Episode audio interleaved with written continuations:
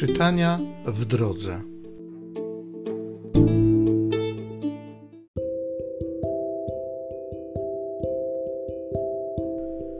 Z trzeciego listu świętego Jana Apostoła.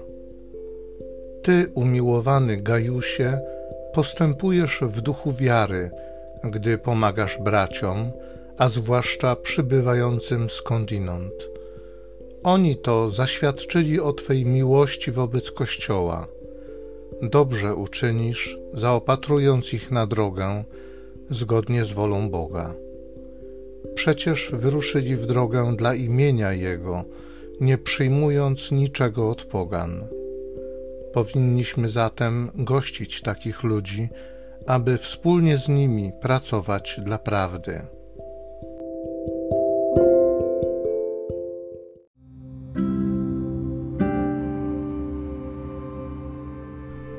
Psalmu 112. Błogosławiony ten, kto służy Panu. Błogosławiony człowiek, który służy Panu i wielką radość znajduje w Jego przykazaniach. Potomstwo Jego będzie potężne na ziemi, dostąpi błogosławieństwa pokolenie prawych. Dobrobyt i bogactwo będą w Jego domu a Jego sprawiedliwość będzie trwała zawsze. On wschodzi w ciemnościach jak światło dla prawych, łagodny, miłosierny i sprawiedliwy. Dobrze się wiedzie człowiekowi, który z litości pożycza i swoimi sprawami zarządza uczciwie. Sprawiedliwy nigdy się nie zachwieje i pozostanie w wiecznej pamięci. Błogosławiony ten, kto służy Panu.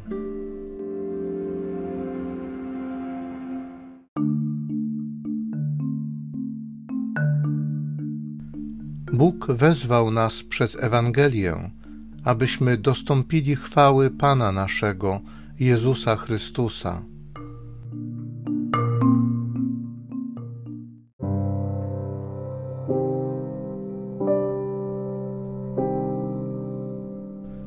Z Ewangelii według świętego Łukasza. Jezus opowiedział swoim uczniom przypowieść o tym, że zawsze powinni się modlić i nie ustawać. W pewnym mieście żył sędzia, który Boga się nie bał i nie liczył się z ludźmi. W tym samym mieście żyła wdowa, która przychodziła do niego z prośbą: Obroń mnie przed moim przeciwnikiem.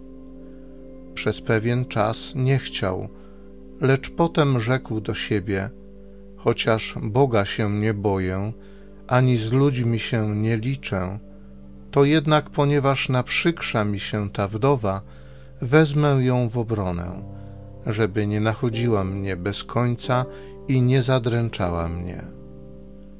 I Pan dodał: Słuchajcie, co mówi ten niesprawiedliwy sędzia, a Bóg Czyż nie weźmie w obronę swoich wybranych, którzy dniem i nocą wołają do Niego? I czy będzie zwlekał w ich sprawie?